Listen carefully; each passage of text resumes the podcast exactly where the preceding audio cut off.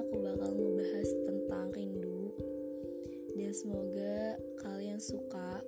Jadi, dengerin ya baik-baik. Lewatmu, aku mengenal banyak hal. Hanyut bersamamu, imajinasi dengan getaranmu. Adalah sebuah candu. Melaju di jalan malam di atas motor berdua bersamamu itu sungguh hal yang menyenangkan bagiku. Dan lagi-lagi aku terjebak pada hatimu. Aku terjebak pada hangat pelukmu. Pada dinginnya malam menjadi hangat. Ramai riuh seakan menjadi sepi sunyi hanya ada aku dan kamu. Dan itu semua hanyalah kenangan masa lalu yang telah berlalu. Jujur,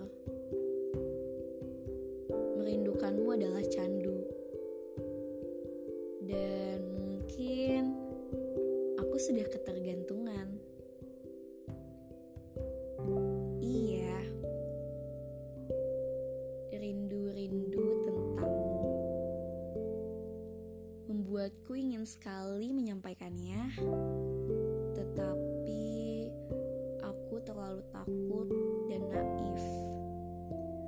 Takut bila rindu ini tidak terbalas dengan temu. Maka katakanlah, katakanlah bahwa rasa itu masih ada agar rinduku ini tak tersia-siakan. Yang sampai saat ini terus menerus merindukanmu. Dan tenanglah aku masih di sini. Berharap waktu kan dapat terulang kembali. Tentang cerita kita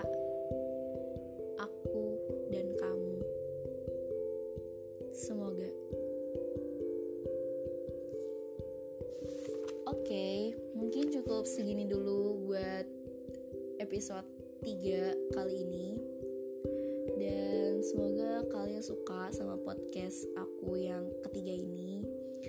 Intinya kenapa aku bikin podcast dini hari banget kayak gini tuh karena aku lagi rindu banget nih sama dia dan aku tuh lagi susah tidur gitu karena ya saking rindunya dan terlintas lagi kenangan-kenangan kita dulu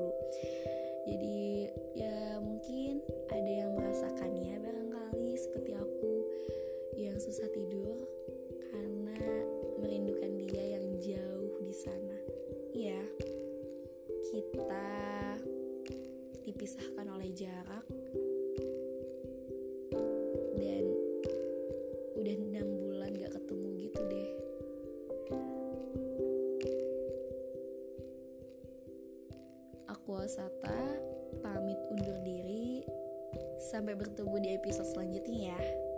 Bye.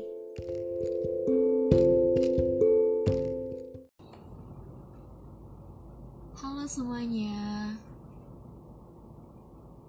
Bertemu lagi nih sama aku Osata dalam podcast raba-raba kita.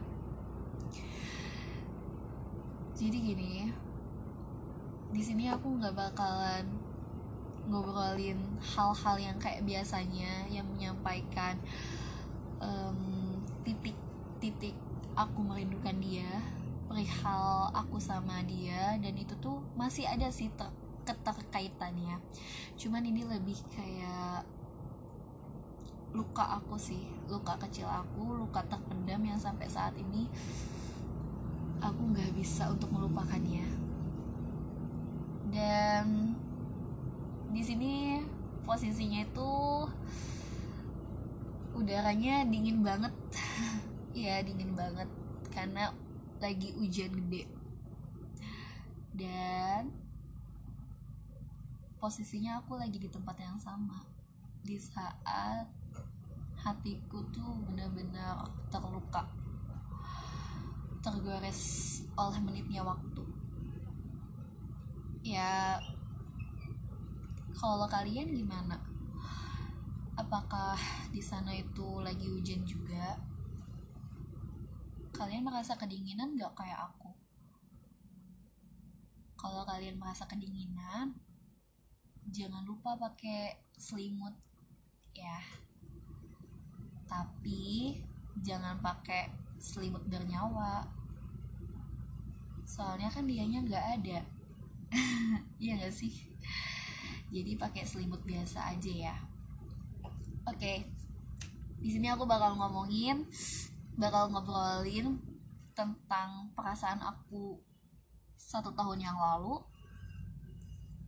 Bisa dibilang aku bakal menyampaikan rasa trauma aku ya. Pada waktu itu pukul jam 12 malam posisinya aku tuh baru pulang dari latihan nari dan aku baru aja nyampai kosan gitu. Ya aku tuh pas tahun kemarin itu aku ngekos. Dan akhirnya tiba-tiba ada yang nelpon. Pas aku lihat yang nelpon itu om aku cukup kaget sih.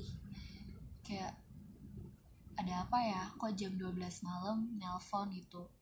Ya kali kan kalau misalkan gak ada hal penting tiba-tiba nelpon dan posisinya itu jam 12 malam. Aku langsung nanya ting gitu deh. Tapi ya udah deh aku angkat aja. Pas aku angkat mau nangis tapi nggak boleh nangis dong ya. Udah berlalu juga. Ya aku disuruh ke tempat di mana aku sekarang berada nih. Pada waktu itu aku disuruh ke tempat ini. Semoga kalian bisa tebak deh. Ya. Bayangin jam 12 malam bawa motor sendiri. Posisinya juga lagi hujan deras banget. Hatiku tuh lagi kacau karena ngedengar itu ngedengar omongan dari om aku itu. Dan aku terpaksa untuk matiin diri buat datang ke tempat itu. Akhirnya aku sampai nih ke tempat ini nih. Tempat di mana semua kenangan baik bersamanya dan bersama mbahku tercinta. Iya ternyata isi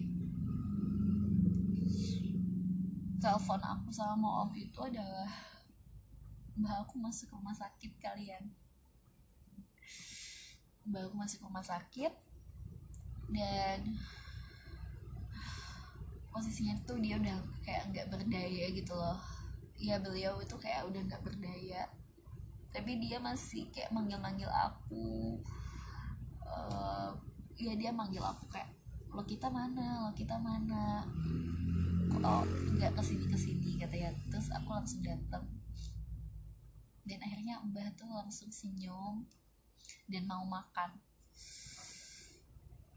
Aku ngatin diri aku nggak pulang aku nggak pulang ke rumah aku nggak pulang juga ke kosan. Aku nginep di tempat ini terus posisinya aku masih sama dia. Iya. Masih sama dia. Dan perbucinan pun dimulai. Saat itu dia nanya posisi aku tuh lagi di mana. Dan aku ngasih tahu dong aku lagi di mana. Tiba-tiba dia itu mau nemenin aku. So sweet banget gak sih? Dulu ya tapi ya tapi aku nggak ngizinin karena ini tentang aku sama mbah. Jadi nggak mau melibatkan siapa pun di sini. Ya udah akhirnya dia mentakti dan aku nemenin mbah sampai satu minggu aku di tempat ini. Nggak seminggu juga sih seminggu lebih malah aku di tempat ini. Tapi pas tiga harinya aku di tempat ini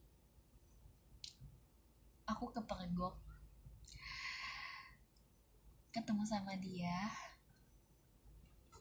Dan om aku lihat ya gimana ya akhirnya kita disuruh putus jelek gak sih? Nangis tapi gak bisa. Ya intinya gitu. Terus ya udah berat hati juga kita putus akhirnya. Tapi ya gitu deh. Yang penting mbak aku nggak sedih. Pokoknya tuh dulu tuh aku prioritasnya ke mbah. Karena ya gitu deh soalnya aku tuh semenjak ngekos udah jarang banget pulang ke rumah karena banyak kegiatan dan aktivitas juga di sekolah. Oke singkat cerita um, aku tuh mulai rindu tuh sama dia.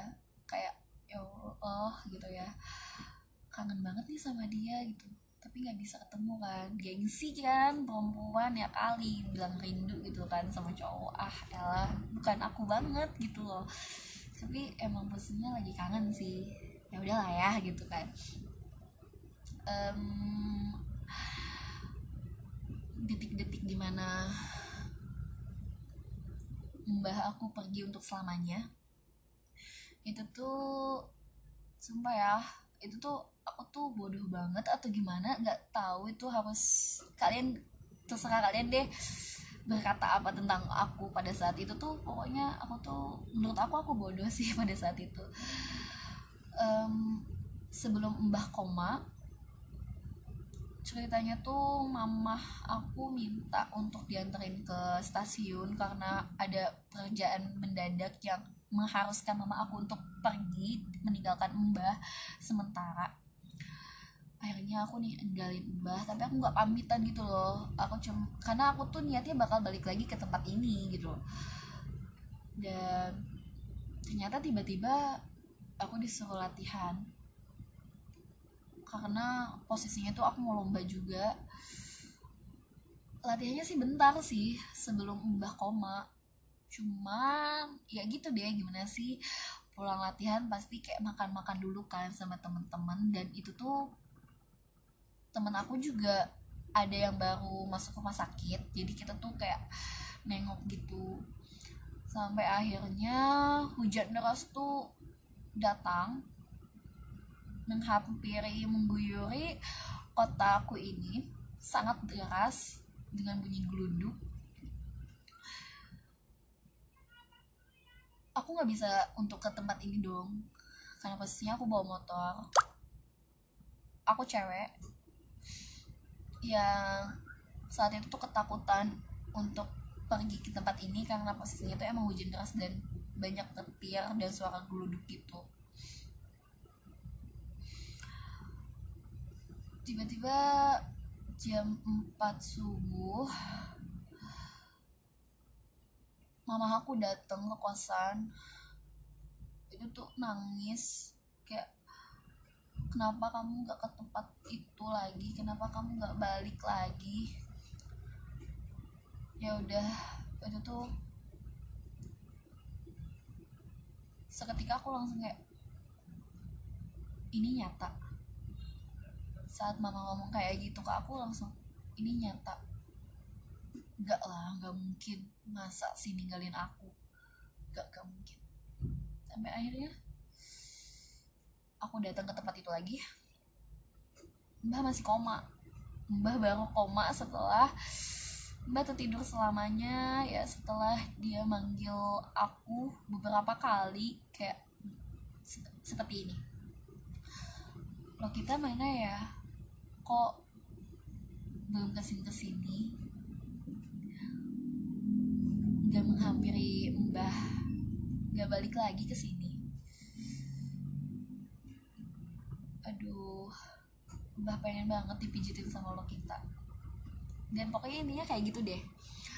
Sampai akhirnya mbah tertidur untuk selama lamanya ya mbah tertidur selama lamanya meninggalkan aku.